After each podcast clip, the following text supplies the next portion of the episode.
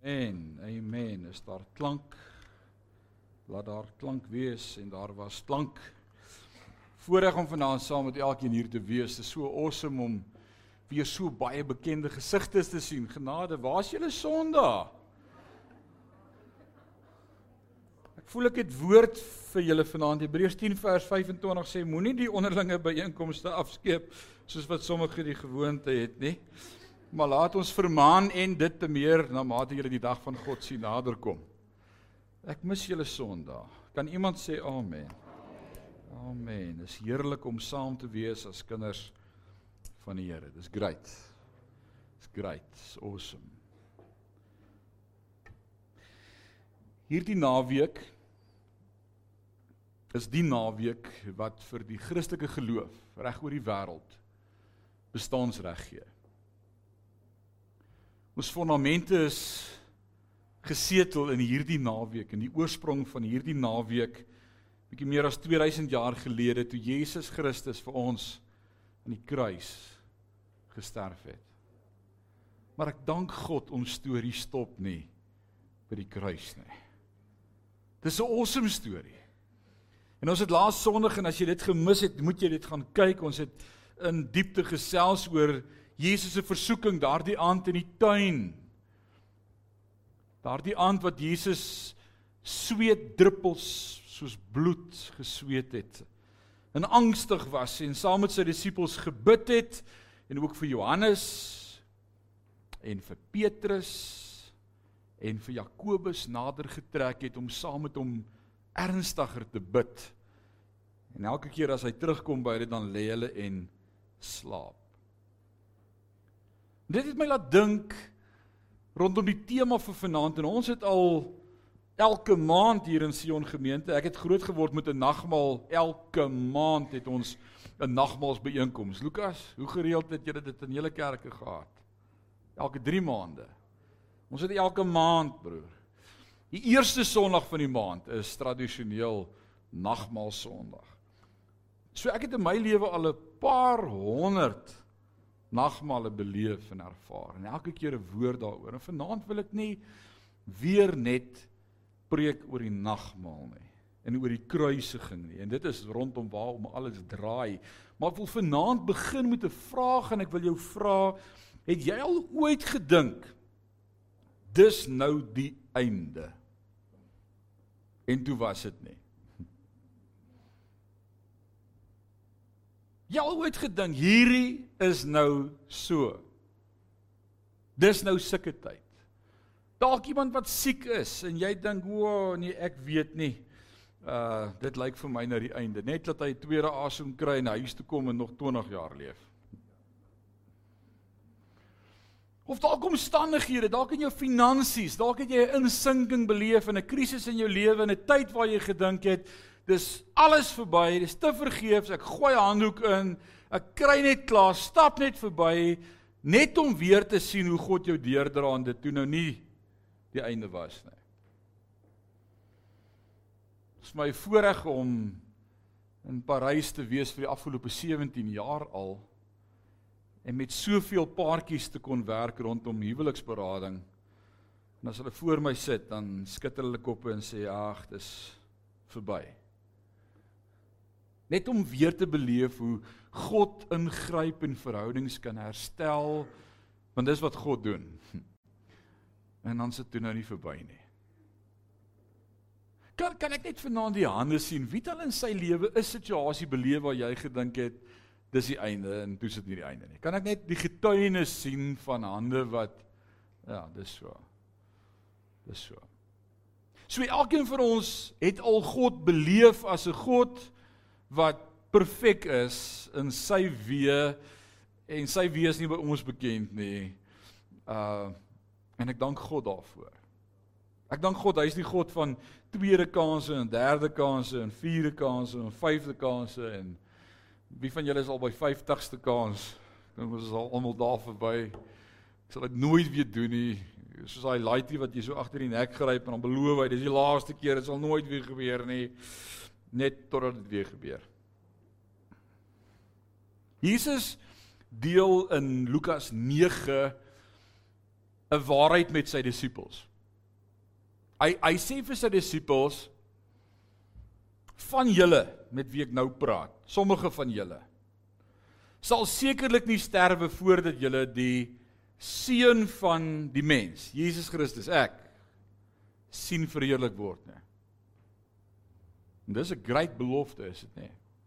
En dan net in die volgende vers en ek lees vir jou vanaand in Lukas 9 en as jy die woord hier het kan jy saam met my blaai in Lukas 9 en ek seker as Grant wil kan hy daar by die Bybel in die Nuwe Lewende Vertaling Lukas 9 volg soos wat ek aangaan Lukas 9 vanaf vers 28 gaan ek 'n paar verse vir jou saam lees vanaand. Lukas 9 vanaf vers 28. As jy daar sê jy amen. As jy nie 'n Bybel het nie, stamp in langs jou en sê wat maak keer jou leen vir my jou Bybel ook dat ons saam kyk. Dan uh share die woord. Sharing is caring hoor ek sê hulle, né? Alraai. Lukas 9 vers 28 sê. Is jy daar? Vers 28. 2 8 amper nog 8 verse aan. Grant. Anders verander jy my preek. Daar's hy.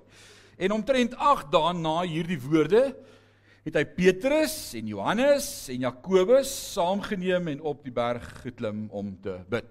Hierdie drie jong manne, Petrus en Johannes en Jakobus. Dis dieselfde drie wat ons laasweek gesien het toe Jesus hulle 'n bietjie verder vat in die tuin in. Want hulle het nou hierdie ervaring gehad waarvan ons vanaand gaan lees. So hulle moes toe hulle in die tuin kom iets verstaan het van wat gaan gebeur. Hulle het al beleef wat jy vanaand hier saam met my gaan lees. En terwyl hy bid vers 29 het die voorkoms van sy aangesig anders geword en sy klere skitterend wit.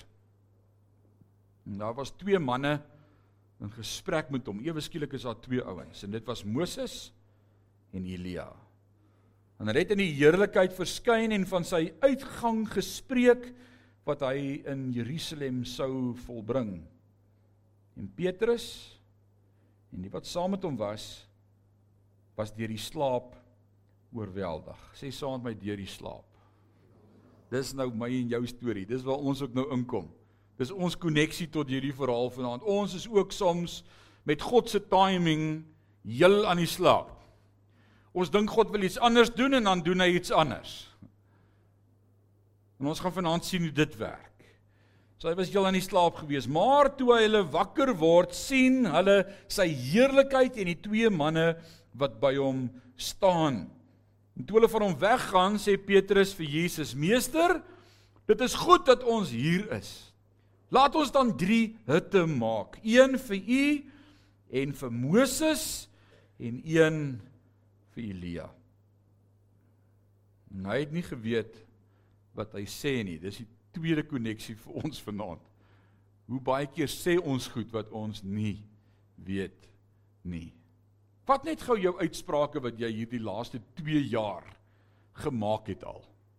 Vir die laaste 2 jaar het jy al 'n klomp goed gesê, 'n klomp goed geshare, 'n klomp goed gepost, 'n klomp goed geforward, 'n klomp goed gedink, En hoeveel keer het jy al sekere goed gedink en gesê dis hoe dit gaan werk? Watch maar net. Ek bedoel 2 jaar gelede het ons gesê 21 dae. Nee, ek het geweet ons sukkel om te tel in ons regering, maar dit word toe 750 dae. Sien ons weet nie altyd nie, maar ons sê soms goed.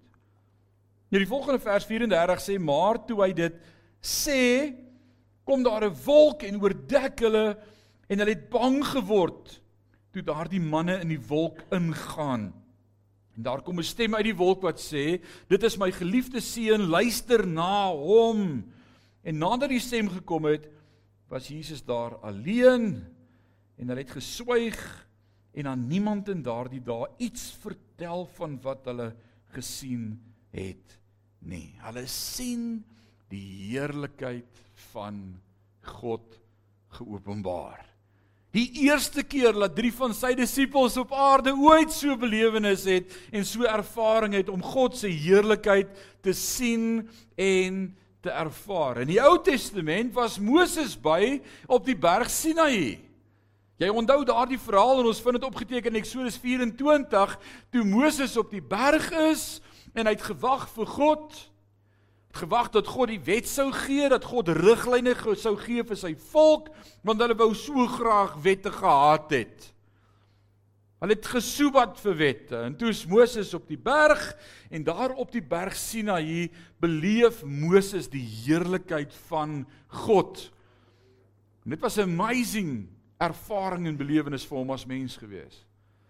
En ons weet hoe sy begeerte was, Here, dat ek U mag sien Ek ek wil U aanskou, ek wil U beleef en kom ons wees eerlik in my en jou lewe, is ek seker elkeen van ons het al iewers in ons lewe gesê, Here, ek wil U sien. Maar hé, is ek reg as ek so sê? Ek dink elkeen van ons het dit al iewers gesê. Want daar's 'n ingebore hinkering, 'n ingebore iets in ons, 'n beacon, dis 'n mooi Engelse woord. Wat roep na God. Elke mens weet daar's 'n God. Ou wil jy is dit nie so nie? Jy weet in jou hart en jy bid iewerster, gaan jy deur 'n fase in jou lewe wat jy bid en sê Here, as ek U kan sien of ervaar, ou Moses bid op berg Sinaï, bid hy ook Here, ek wil U sien en ek wil U ervaar en dan sê God vir hom, as jy my sien, sal jy sterf. Hoekom? Want die ou vlees is in die pad en daar's sonde en sonde skei ons van die heerlikheid van God en om te dink dat dit wat hierdie drie disippels hier beleef En dit wat Moses beleef het op die berg Sinaï, want God sê vir hom kruip weg in die skeur in die rots, daar's so 'n ou skeur en hy sê gaan klim in die skeur in en as ek verby is, dan loer jy net so van agter af. Dis al wat jy kan sien, as jy kan van agter af kyk. En net daai van agter af oomblik kyk maak dat hy so straal van die heerlikheid van die Here dat toe hy afkom onder in die dal waar die volk vir hom wag, die miljoene Jode, toe skyn sy gelaat van die heerlikheid van God. En hulle sê vir hom in die een kleer en prediker het dit so mooi gesê toe sê hulle vir hom dim jou braids jy skyn te skerp.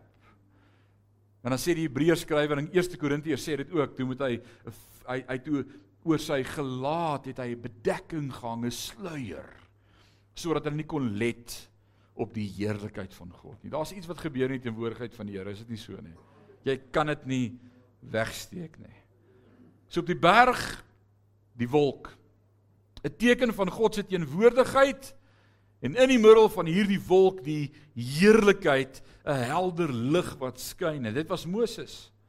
En nou sit die beurt vir hierdie 3 disippels en Jesus vat nie al die disippels saam nie, hy vat net hierdie 3 en dan sê hy in vers 34 vir hulle maar toe hy dit sê kom daar 'n wolk en oordek hulle en hulle het bang geword toe daardie manne in die wolk ingaan en daar kom toe 'n stem uit die wolk wat sê dit is my geliefde seun luister na hom. Maar hierdie wolk het nie die heerlikheid gebring nie. Wat lees ons voordat die wolk gekom het? Wie was die heerlikheid? Jesus. Het jy gesien? Jesus het gestraal. Dit was Jesus se heerlikheid. In die boek Johannes vertel dat Jesus se disippels van sy heerlikheid wat hy voor die tyd gehad het by die Vader en nou verheerlik hy homself sodat hulle iets kan sien van sy einde en dit moes vir hierdie drie manne 'n ultimate experience gewees het om Jesus te kan beleef en te kan sien. Imagine jy het hierdie experience gehad. Hierdie ervaring op die berg, daai aand jy was aan die slaap en jy het al wakker geword en ewe skielik sien jy Jesus skitter en hy blink en, en dis die heerlikheid geopenbaar en dis wat Johannes in die einde sien op die eiland Patmos. Wat hy vir ons openbaar in Romeine ag Openbaring 1 as hy skryf van Jesus en hoe hy gelyk het. Ons het so 2 weke gelede daaroor gepraat. Jesus sê vir ons: "Julle is die lig van die wêreld." Is dit nie wat die woord ons leer nie? Wie's die lig van die wêreld? Maar wie's die lig? Jesus is die lig. Jesus is die lig. Ek en Rudolf het net nou toevallig in die bidkamer gepraat oor 'n blou maan. Min het jy geweet hoe dit by die preek gaan inpas, broer Foster? En hy het vir my gevra, "Weet jy wat is 'n blou maan?" Nou met Rudolf moet jy nie jy moet nie met hom sukkel oor uh, oor oor adrukskunde nie. Ons het altyd gespot as ons as so koud word, dan sê ons, "Jesus, dis koud. Ons kan voel dit het iewers gesneeu en die wind waai oor die sneeu tot hier." Dan wil Rudolf stype kry, dan vertel hy vir ons van 'n hoë drukstelsel en 'n lae drukstelsel en sê ek nie ek het nie opgeloop op adrukskunde opgelet nie. Ek het my houtwerk gevat. Dit is baie makliker geweest met die klomp wolke. Maar wat is 'n blou maan? Want hulle sê mos once in a blue moon, né? Party maande het twee volmaande, twee volmaande. En daai tweede volmaan in dieselfde maand word 'n blou maan genoem, as ek reg is ek so sê. Nou baie interessant, as jy nou vanaand buitekant gaan, dan gaan jy kyk wanneer is dit volmaan? Kyk 'n bietjie op, hoor. Lig jou hande na bo en jou oë ook, en kyk jy. Dis volmaan. En dan wonder jy hoekom skuif Paasfees elke jaar se datum rond? Hoekom is dit nie elke jaar die 14de of die 16de of die 18de nie? Paasfees is altyd volmaan.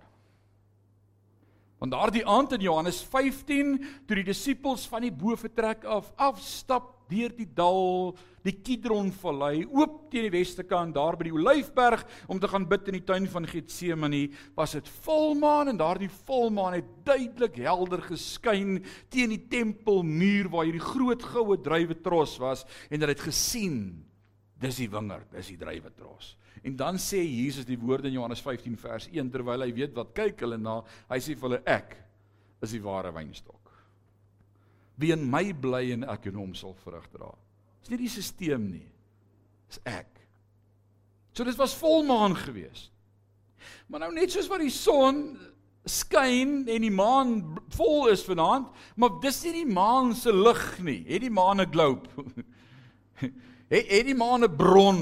Kan hy lig produseer? Ek dink selfs ons jong manne vanaand hier weet die maan kan nie skyn nie.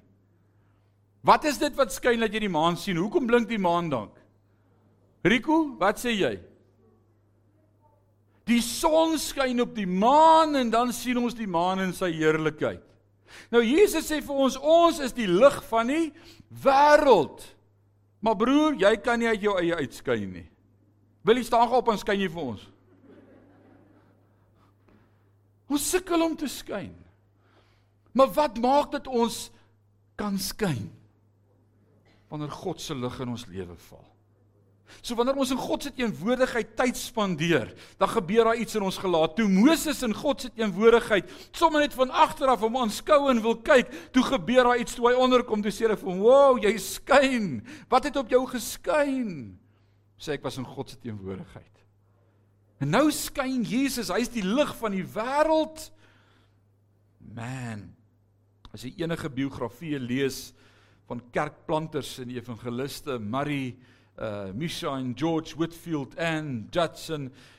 Dis nie die mens nie dis wanneer God se heerlikheid op individue skyn. Dit's 'n dik boek by die huis God's Generals fenominale outobiografie van klomp groot geeste in die kerk wat uh groot dinge gedoen het vir die Here. En elkeen van hulle sê hierdie een ding dis nie ek nie maar dis hy wat deur my. Die woord leer ons Jesus sê hy sê ek is tot alles in staat. Paulus sê dit vir ons deur Christus wat my die krag gee. So hier's hierdie disippels hierdie aand hierdie 3 en Petrus dink hy's baie slim. Dan kom ons kyk waaroor het Jesus met Moses en Elia gepraat Wat was hulle gesprek gewees? Waaroor sou hierdie drie nou bymekaar kom op die berg? En daar was twee manne vers 30 in gesprek met hom en dit was Moses en Elia en hulle het die heerlikheid verskyn van sy uitgang gespreek wat hy in Jerusalem sou volbring. Hulle praat oor sy uitgaan in Jerusalem wat hy sou volbring. Die Engelse een vertaling sê dit so pragtig, they spoke about his exodus that was to come. Nou wat beteken die woordjie Exodus of Exodus? Die uittog. Nou Moses was die leier wat die volk gelei het, die uittog uit slawerny uit op pad na die beloofde land. Is dit nie great nie? Moses was die leier. En daarom verskyn hy hier en sê ek het my eedings gehad. Ek het die volk gelei, maar u gaan die wêreld lei van slawerny van sonde na die teenwoordigheid van God toe. Dis nou u tyd vir die Exodus. Ek kon net deur die Rooi See, maar u deur u bloed gaan u die mensdom skuif in 'n verhouding met God in. Loof die Here vir sy uittog. Want 1500 jaar terug het Moses 'n groot uittog uit Egipte gelei. En daardie aand moes 'n offer gebring word. Kan jy onthou daardie aand met die 10de plaag lees ons daarvan elke huis moes 'n lam slag. Ek wonder wat het hulle gedink toe Moses met hierdie woord by die volk kom en sê, "Oké okay, ouens, dis vanaand die 10de plaag, vanaand sterf al die eersgeborenes. Wie van julle twee is eerstegebore?" Julle meneer, julle kan nie albei julle hand opsteek nie. Ek weet julle is 'n tweeling, maar wie was eerste? Rico sê dit was hy en Ewan sê is hy. Die eersgeborene is dood. Wie's nou eerste? Julle moet mooi dink. Alraai. Nee, dit was jy, dis jy. Die eersgeborene sterf daai aand en hier kom hy met die boodskap, dis wat gaan gebeur, maar ons het 'n plan. Elke huis slag 'n lam. Moet 'n volmaakte lam wees. Lukas daai dag sou hy geld gemaak het. Hulle het lammers gesoek. Hulle koop elkeen 'n lam vir 'n huis en hulle slag daai lam. Dit moet 'n volmaakte lam wees en daar mag nie van sy bene gebreek word nie dan moet hulle die bloed van daardie lam opvang in 'n bak en hulle moet met 'n hisop takkie daardie bloed aan die deurposte smeer bo en aan die kante en aan die kant van die deur sou daar so trog gewees het waar hulle gewoonlik water sou hou om hulle voete te was as hulle by die huis kom om in te gaan. Die oorblywende bloed word alles in daardie trog uitgegooi sodat dit simboliseer die bloed aan die kruis wat vloei en langs dit op die grond lê. Hulle verstaan nie wat hulle doen nie. Dis net 'n simbool. Maar ons kyk terug en ons sien die profetiese woord vir dit wat sou gebeur aan die kruis 1500 jaar later. En almal wat geëet het van daardie lam daardie aand en dis wat die woord Pasga of Pasag in die Hebreëus beteken. Die woordjie Pasag beteken die verderwer, die doodsengel hou verby. Kry jou ry. En dis wat ons vanaand ook gaan celebrate met die nagmaal, né? Die Pasag, die Pasga, die verderwer hou verby. Min het hulle geweet wat dit beteken en nou kom hulle op die berg van verheerliking en Moses is daar en Elias daar. Elia was die profeet wat geprofeteer het oor Christus wat sal kom. Hy het vir Israel die profesie daaroor vertel en nou is hy daar om te bevestig dis die lam van God. Moses is daar om te sê ek weet hoe dit die eerste keer gewerk, maar nou is dit jou beurt. En hierdie keer gaan dit nie net 'n paar miljoen Jode wees nie, dit gaan die mensdom wees. Want so lief het God die wêreld gehad dat hy sy enige gebore seun gegee het. En nou wil Petrus 'n interessante ding doen. Petrus wil nie hê dat Jesus moet weggaan na Jerusalem om te sterf nie. Want die eerste keer toe Jesus vir Petrus sê ek kom om te sterf, my uur is naby, toe wat sê Petrus vir Jesus? Oor my dooie liggaam. Ek sal nie toelaat dat u sterf nie. En dan draai Jesus om en wat sê hy vir Petrus, arme ou Petrus, hy was so in die vlees. Jesus sê vir hom: "Get thee behind me, Satan." Wyk Satan. Het jy al ook soms lus gehad om vir iemand so te sê wat in die vlees is? Jy het 'n woord van die Here, jy's in die gees, jy's op pad, jy het rigting en dan's hier 'n ou wat in die vlees is wat nie 'n klou het waar jy op pad is nie. Maar Jesus beleef dit.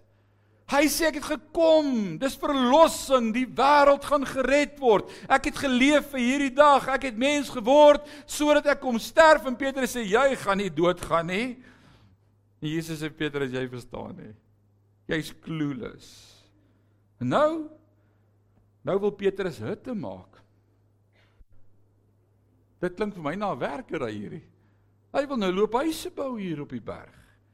Nou waar kom dit vandaan? Hoekom die gedagte van hutte bou? Nou dis belangrik dat as ons die Bybel lees en dis nogal iets waar ons as Christelike geloof bietjie agter is met die Judaïsme en die Joodse gebruike.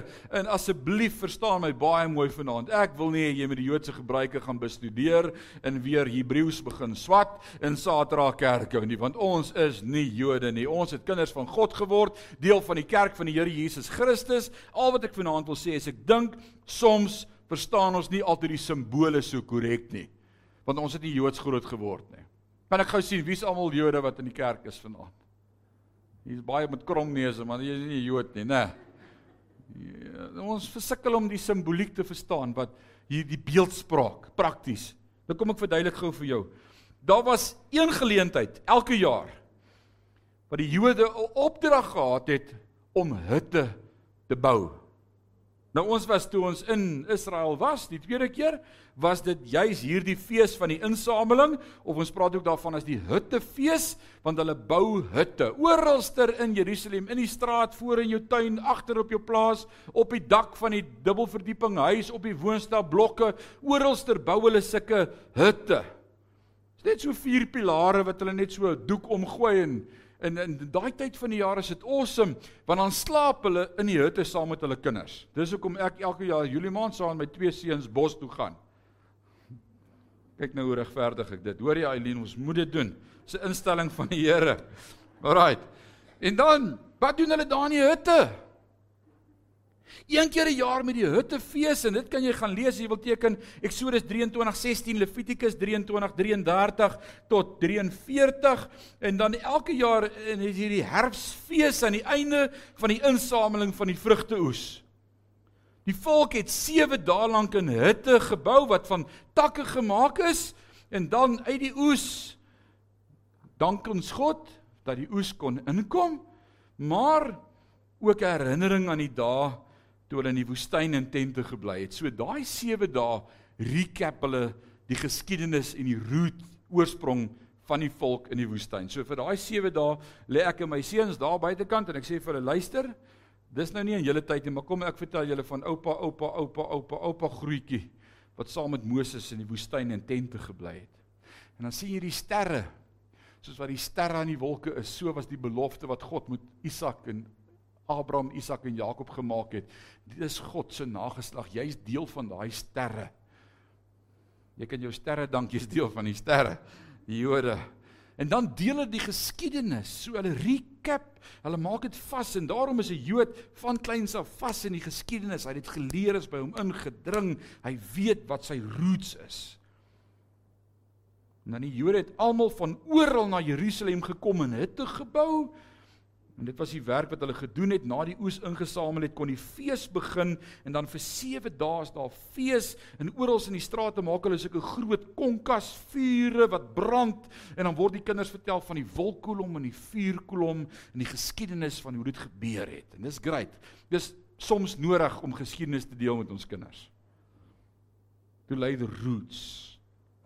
Dis ook 'n prentjie van die laaste fees wat sal kom aan die einde van alle tye as Jesus se werk voltooi is en ons almal saam gaan feesvier by hom. 7 dae is ook die teken vir 7 jaar, né? Vir 7 jaar gaan ons by hom. Dan in Sagaria 14 vind ons ook hierdie verhaal.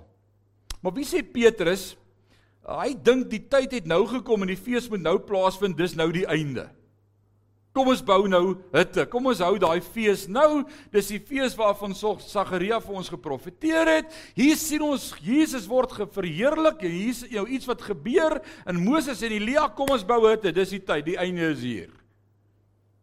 Maar Petrus, dis nog nie die einde nie. Dis nog net die begin. Petrus het gedink die tyd het gekom. Hy dink Jesus is op die punt om alle slegte mense te verwoes en sommer daar te bly op die berg want dis wat die profesie gesê het Jesus sal op die berg wees en daar gaan elke oog hom sien en elke tong bely en al die Jode gaan glo en hy gaan kom om Jerusalem te verlos van die slawerny van Rome en die Romeinse uh, keiser Nero wat daar is en hy dink dis nou tyd dis die einde. Kom ons bou hitte kom ons maak dit vas en Jesus sê vir hom uh uh dis nie tyd nie vers 22 van Lukas 9 sê en hy sê die seun van die mens moet baie ly en verwerp word deur die ouderlinge en owerpriesters en skrifgeleerdes en gedood word en op die derde dag opstaan. Ek het nie nou gekom om hitte te bou nie. Dis nie die einde nie. Dis nie my tyd nie. Dis net 'n prentjie, maar dis nog nie die einde nie. En soms dink ek en jy ook dis nou die einde en dan sien ons net nee, okay, dit was toe nou nog nie die einde gewees nie. Kom ons wees eerlik as ons terugkyk oor hierdie laaste 2 jaar en jy het enigstens 'n eindtyd verwagting of 'n verwagting dat Jesus gaan kom en het 'n paar goed gebeur en rondskuif en dan sê jy, dit kan nie weer lank wees nie. Is dit nie so nie? Net om agter te kom.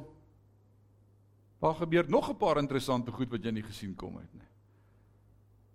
Net om agter te kom dat hierdie laaste week en 2 weke met hierdie vloedwaters wat in Suid-Afrika alleen val, sommer hier by ons en nou it hits home, né? Dis nou sommer naby ons sien ons daar in op die N2 daar onder Natal hoe die groot staalkonteiners ronddryf en hoe die snelweg 'n waterweg word. Skielik verander alles naby ons. Dis nie meer net ver nie. Dis hier. Nou daar's baie profetiese woorde gewees in die Ou Testament. En Petrus moet beslis die Ou Testament geken het en geweet het van al die profeseë van die seun van God wat sou lei Jesaja 42, 49, 50, 53, Psalm 22 en dan sê vers 32 van hierdie gedeelte en Petrus en die wat saam met hom was was deur die slaap oorweldig. En ek dink dis die rede hoekom hulle hierdie oomblik gemis het. Want Petrus sou geweet het maar Jesus moet ly. Hy moet deurboor word.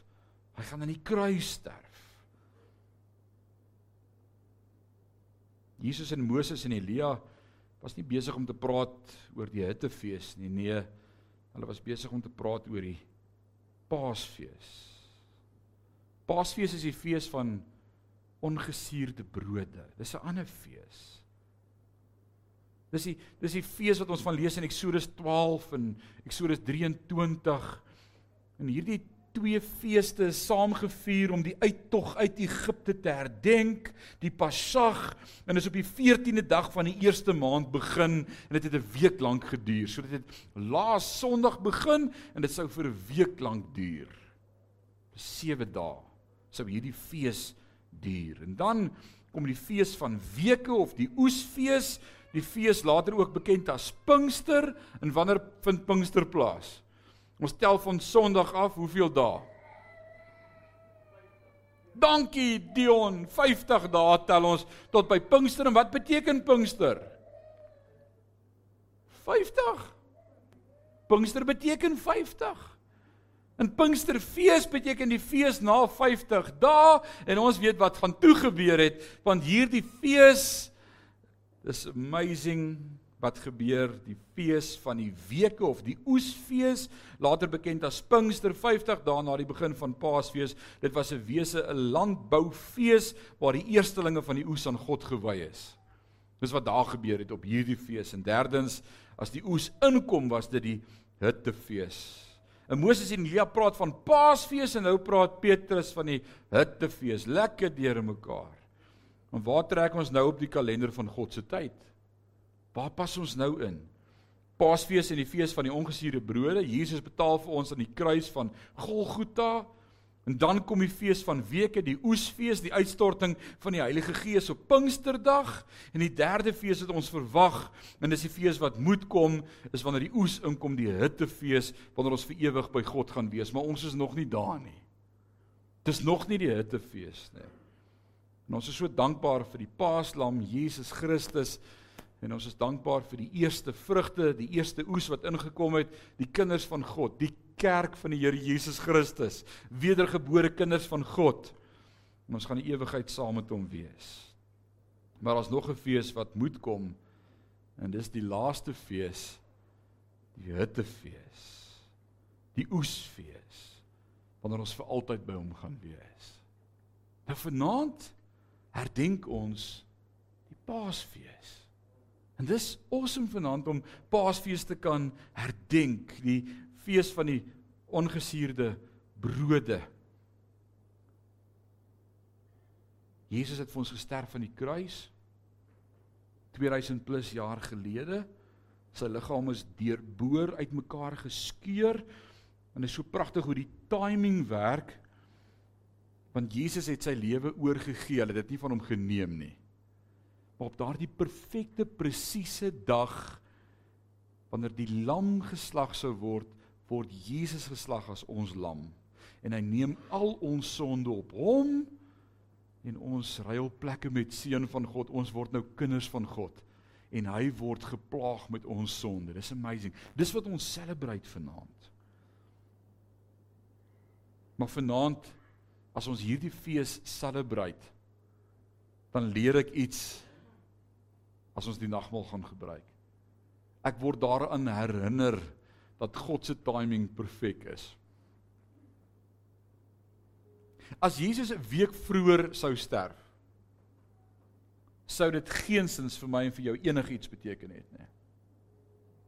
As Jesus 'n dag later sou sterf, sou dit vir ons niks beteken het nie.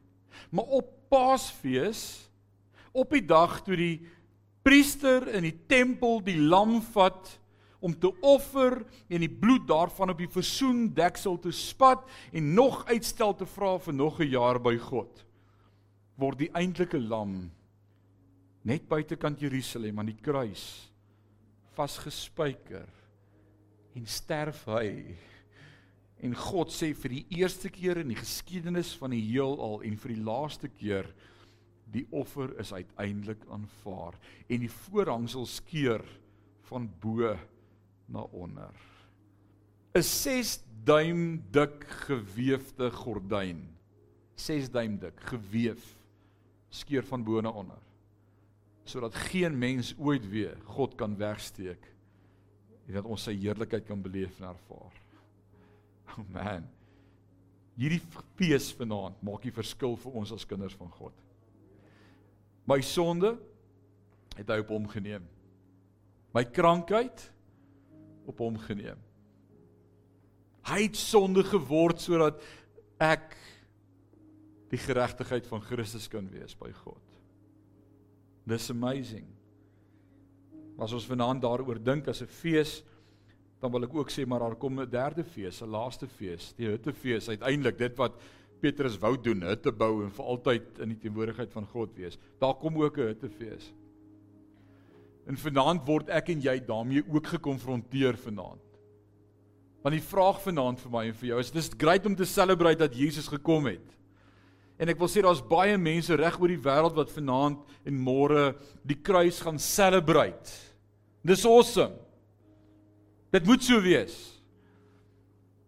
Maar wat help die kruis en die celebration van die kruis as jy dit nie joune gemaak het en God se kind geword het en daardie bloed aan die deurposte gesmeer het sodat die derf verderwer sal verbygaan nie. Ek dink vir baie mense wat Paasfees vier jaar na jaar gaan die verrassing kom die dag as Jesus ons kom haal. En hulle sê maar ek het nooit die bloed aan my eie hart en aan my deurposte gesmeer nie. Ek het nooit my lewe oorgegee en gesê I surrender nie. Ek het geglo, ek het geglo hy het vir my gesterf aan die kruis. Ek het geglo hy is die seun. Maar ek het dit nie geleef nie. Vriend, vriendin, as jy vanaand hierdie broodjie vat, dan word ons daarmee gekonfronteer. Trek daai plastiese papiertjie af daar bo op jou kelkie. Dan kom jy by die broodjie. Dis dis 'n ongesuurde broodjie die, hoor. En hy's amper so spookasem, hy raak so vinnig weg in jou mond. Dis die mooiste groot brood vanaand hiervoor vir ons. So iets van die Joodse simboliek wat pragtig is, is daar sou ongesuurde brood koeke in die sak gewees het. Ja, soos hy vir my en vir jou uitmekaar geskeur. Daar sou 3 stukke matsos ongesuurde broodkoekies gewees het in 'n sakkie. En daardie aand aan tafel al die joetjies elke Sabbat en dis wat vanaand gebeur in die Joodse huise, dan haal hulle die middelste broodjie van die drie uit en hulle breek hom middel deur en hulle sit die helfte terug in die sakkie en die ander helfte word in 'n ander sakkie gesit en weggesteek in die huis. En dan net nou na die ete, nadat die derde beker gedrink is en die laaste brood geëet is, dan moet almal in die huis daardie halwe broodjie wat weggesteek is gaan soek. Maar dit was die tweede broodjie. Nou die godheid leer ek van die Vader en die Seun en die Heilige Gees. Die Seun, die tweede broodjie, word middeldeur gebreek. Hy's vir my en vir jou gebreek aan die kruis. En dan word dit weggesteek in die huis en dan moet almal soek na daardie brood. Almal moet soek na die brood. En as hulle daardie brood gekry het, dan word daardie helfte in klomp stukke gebreek en gedeel en almal in die huis moet fees vier en van daardie helfte eet. As dit nie die prentjie is van Jesus Christus aan die kruis nie, weet ek nie. En tog vier dit al vir soveel duisend jaar en verstaan nie die simbool en die simboliek van Jesus Christus nie. Ek en jy is bevoorreg vanaand om te weet wat dit beteken. Hierdie vanaand is 'n simbool van die liggaam van Jesus Christus. Toe ek vandag stil word en dink oor vanaand, toe sê ek vir die Here, dankie dat u timing nie my timing is nie. Dankie dat die kere wat ek wou opgee, u nie vir my opgegee het nie. Maar dat dit u is wat in my werk om te wil. Dis mos wat die woord sê. Dis hy wat in ons werk om te wil. En dalk het jy 'n draai gaan maak in die wêreld, dalk het jy hierdie jare tawwe jaar gehad, dalk het jy 'n paar dom dinge gedoen of dom goed gesê. Hierdie brood vanaand sê God se tyd is perfek. En God het genade met jou. En God stap 'n pad met jou. En God is besig met jou en God is nog nie klaar met jou nie. Jy moenie moed opgee oor jouself nie. Want hy gee nie moed op vir jou nie. Hierdie broodjie vanaand sê dit te les daai. Dis volbring. Dis betaal. Maar hoe sad sal dit wees as jy vanaand hierdie brood eet en daarin glo, maar dit nie deel maak van jou lewe nie. En dan wil ons ook vanaand die geleentheid gebruik om seker te maak ek is reg in my verhouding met die Here En as daar iets is wat jou skei van God, dan is dit nou 'n goeie tyd om dit te bely en vanaand vir die Here te sê, hier's ek. Ek wil vanaand myself opnuut oorgee aan U. So kom ons bid saam voordat ons vanaand van hierdie broodjie eet. Kan ons saam bid? Kom ons sluit ons oë. Vader, dis 'n heerlike voorreg vir ons as kinders van U om vanaand die aan te sit aan die tafel vanaand te eet van die brood van die liggaam Jesus Christus wat vir my gebreek is vir elkeen van ons. Of vir vanaand in die besonder bid vir individue vanaand wat weet dat hulle nie op die plek is in 'n verhouding met God waar hulle moet wees nie. Ons glo, ja, ons weet, ja. Maar ons leef nie die getuienis van 'n kind van God nie. Here, in u woord leer vir my in Matteus 6 dat baie in daardie dae vir u sal sê, Here, Here, In U naam het ons duiwels uitgedryf, in U naam het ons siekes gesond gemaak, in U naam het ons baie dinge gedoen en dan sal U sê, "Gaan weg van my, ek ken jou nie." Sal dit nie die verskriklikste woorde wees as ons dit eendag moet hoor dat U ons nie ken nie. Vader, ek wil bid vanaand dat U elkeen van ons sal nader trek en vasdruk aan die bors dat ons vanaand as ons hierdie liggaam celebrate en vir u dankie sê vir die prys en vir die kruis en vir alles wat u vir ons gedoen het in die swakheid. Here dat ons vanaand ook sal seker wees dat ons in ons verhouding met u u eerste stel.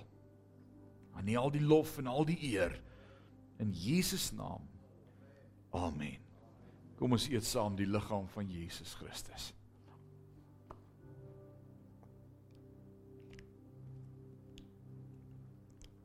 Dan kan jy daai ou voetjie aftrek. Moenie op jou mors nie, dit bly rooi vir altyd. Net vanaand 'n simbool. Hierdie is net 'n simbool, is net 'n simboliek van die bloed van Jesus Christus. En ons sê vanaand vir hom dankie dat sy bloed vir ons gevloei het aan die kruis.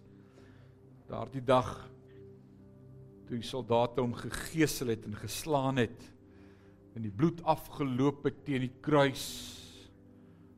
Man, dit was vir my en vir jou. Kom ons bid saam. Vader, dankie dat ons vanaand ook die beker mag drink.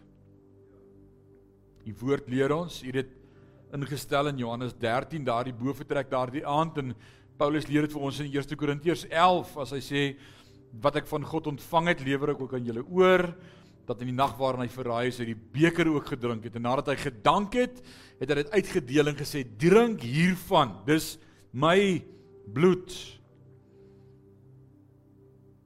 Hy het ook daardie aand in Johannes 13 vir die disippels gesê: "Ek sal nie weer saam met julle hierdie beker drink tot daardie dag wat ons saam voor God is nie." En daarom drink ons vanaand alleen hierdie beker en ek weet u hart brand om saam met ons hierdie beker te drink Maar ons is nog nie by U nie. En dis nog nie die hittefees nie en dis nog nie die einde nie en U tyd is volmaak en perfek en U weet hoe lank moet ons nog hier wees tot die laaste ongeredde inkom om die oes vol te maak. Dan sal ons vir altyd by U wees en saam met U van die beker drink by daardie bruilofsfees in die hemel.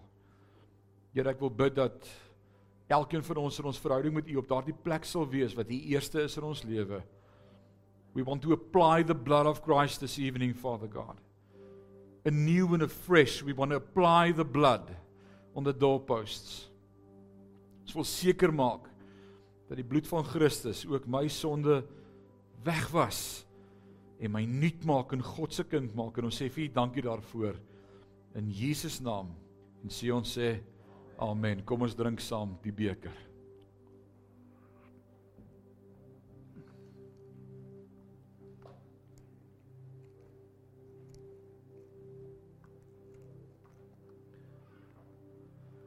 oh man, wat 'n voorreg. wat 'n voorreg dat dit nie vanaand oor my of oor jou gaan nie. Maar alles oor hom, Jesus Christus. Ha, ou Willie? Oh man. I owe him my life. I owe him my life. Here, dankie vir 'n groot voorreg wat ons vanaand kon hê om op te kom na u huis en te kon celebrate en te kon bly wees en te kon juig en vanaand som opnuut die woord te kon hoor en te herdenk en die nagmaal te kon gebruik en vanaand sommer net te weet u tyd is perfek. Ons wil sommer vanaand opnuut ons lewe in u hande gee en sê Here, dankie dat u nie opgee met ons nie. Dankie dat u tyd perfek is en ook wil ek vanaand vir elkeen bid wat deur 'n krisis gaan in sy lewe en haar lewe, dalk 'n geestelike battle, dalk in hulle huwelik, dalk finansiëel, dalk emosioneel, dalk sukkel met depressie of angsaanvalle. Here, ons wil vanaand elke toestand voor U bring en vir U sê U is volmaak. U weet die beste en dankie dat U ook antwoord en uitkoms gee. En daarom wil ek vanaand lewe spreek in die naam van Jesus die Christus. Ons vreese eiland, ons koning, ons verlosser en ons saligmaker in Jesus naam. Dankie dat U U hand oor ons hou, U hand van beskerming ook die wat gaan reis hierdie naweek en hierdie tyd wat voorlê dat ons sal weet dat u met ons is. Ons eer u daarvoor. Ons is so gevul vanaand, ons harte is net so vol van dankbaarheid teenoor wat u vir ons doen en ons eer u daarvoor. Ons het u lief. Hou ons vas in die holte van die hand. Ook Sondagoggend as ons u opstanding kom herdenk. Here, dit is 'n groot celebration vir ons as Christelike kerk. Dis die beginpunt, die vertrekpunt van 'n verhouding met Christus. Die graf is leeg en ons eer U daarvoor in Jesus naam en Sion sê amen en amen.